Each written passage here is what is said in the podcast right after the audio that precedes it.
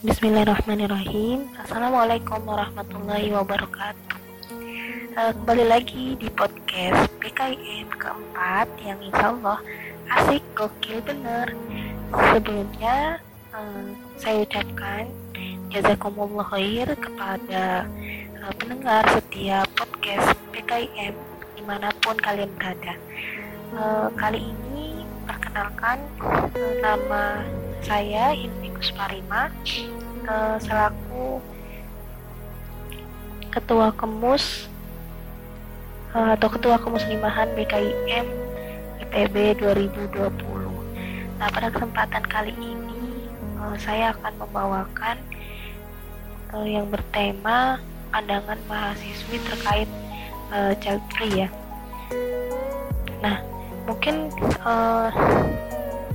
dalam waktu ini ya teman-teman sekalian sudah banyak mendengar isu-isu mengenai uh, child free ini. Nah sebenarnya apa sih gitu ya uh, dari child free ini?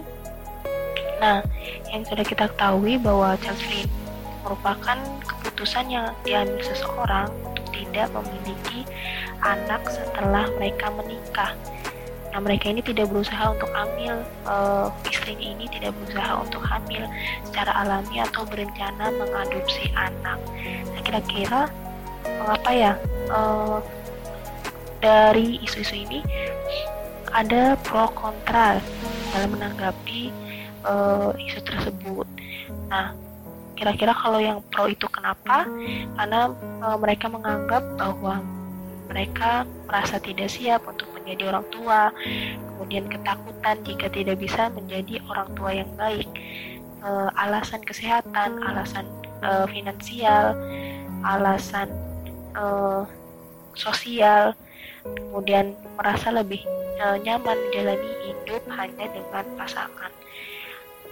Tapi e, kalau e, kita melihat kembali ya, ini ada pula yang kontra karena uh, dari kontra ini hal ini nih bertentangan dengan uh, kebiasaan di masyarakat khususnya khususnya di Indonesia gitu ya yang mayoritas Islam.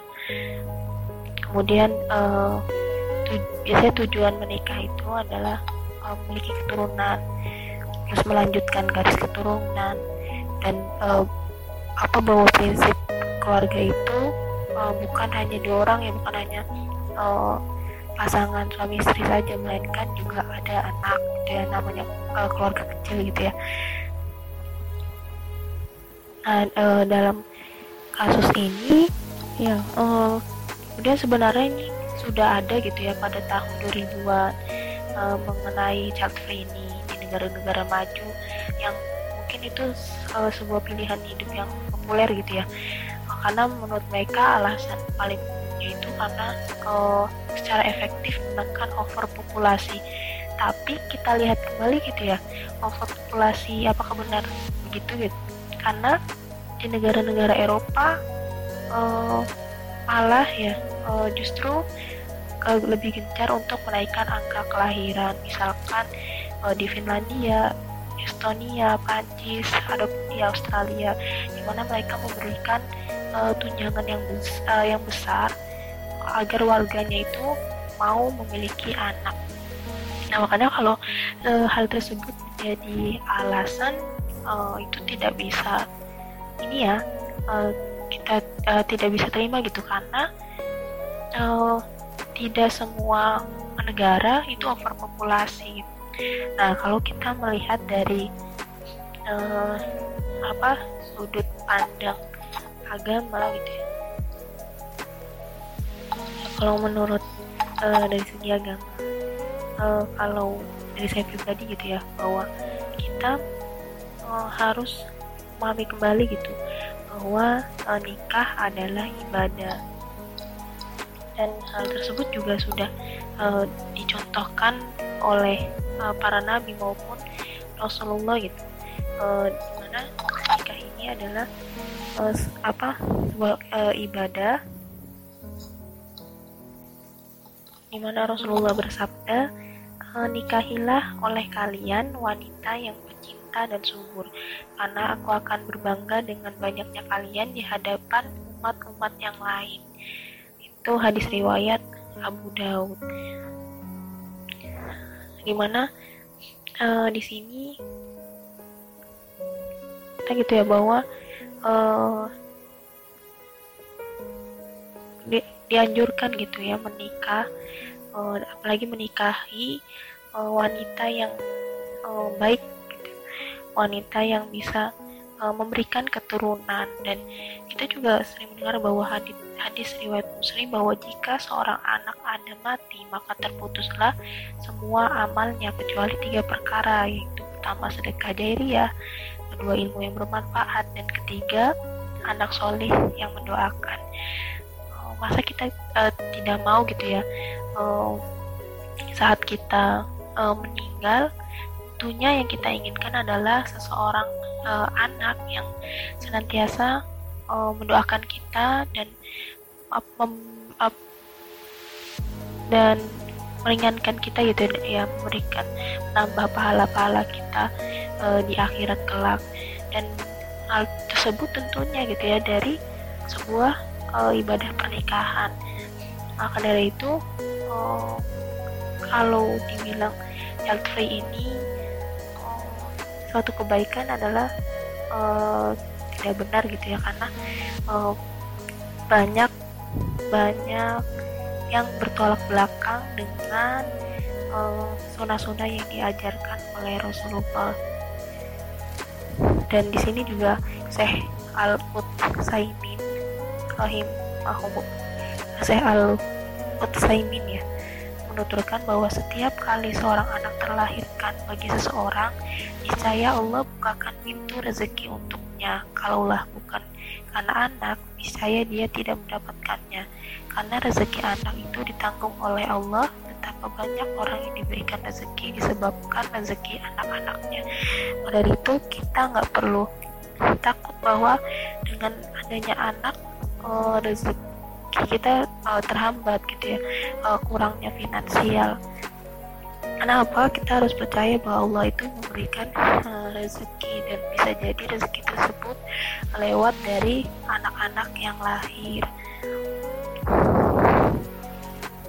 Dan uh, William Hamka pernah uh, berkata bahwa uh, semua orang yang berakal budi dan berpikiran cerdas bercita-cita menegakkan rumah tangga bahagia, tak ada di dalamnya silang selisih, di mana pasti rumah tangga yang bahagia tentunya ada uh, kehadiran uh, buah hati gitu ya, kehadiran anak di dalam keluarga kecilnya.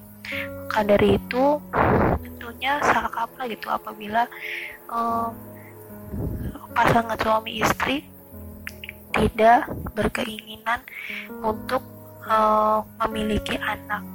Dan, anak juga melatih sese apa seorang wanita untuk uh, apa melatih uh, melatih kesabaran gitu ya.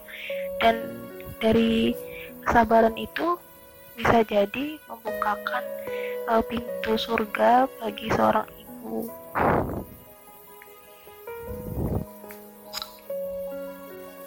maka uh, pada fenomena child free ini kita uh, perlu menitik beratkan bahwa perlunya ya meningkatkan fitrah keimanan dan fitrah uh, seksualitas seseorang. Di mana fitrah keimanan ini uh, apa datangnya child free itu karena tidak terawat dengan baik ya fitrah keimanannya. Dan jadinya menyebabkan seseorang itu lupa akan perannya sebagai hamba dan mudahnya mengabaikan aturan penciptanya. Padahal sudah dijelaskan ya bahwa oh, apa Rasulullah itu sudah uh, mengajarkan gitu bahwa uh, nikah itu adalah suatu ibadah dan uh, anak itu adalah sebuah apa karunia dan membawa uh, kebermanfaatan. Terus kemudian uh, di sini juga fitrah seksualitas ini uh, yang tidak tumbuh gitu kan dengan baik karena uh, dengan konsep child free ini uh, tidak akan muncul sifat keayahan atau keibu keibuan dari uh, orang-orang tersebut gitu. Uh, dan pas dipastikan bahwa child free ini mereka yang tidak menyukai anak-anak. Padahal rasa empati kelembutan dan kasih sayang itu adalah fitrah seorang perempuan yang uh, membentuknya menjadi sosok keibuan dan uh, seorang laki-laki juga perannya sebagai ayah. Dan di sini memiliki kewajiban untuk mencari nafkah dan memberikan uh, tanggung jawab dan kasih sayangnya kepada anak-anak oleh karena itu perlunya ya kita harus oh, uh, memperhatikan kembali gitu fenomena child ini uh, pertama uh, kita ya sebagai seorang muslimah. Dan tentunya uh, kita harus menempatkan kembali ajaran-ajaran uh, Islam gitu ya yang telah diturunkan dan uh, yang telah diajarkan oleh Rasulullah.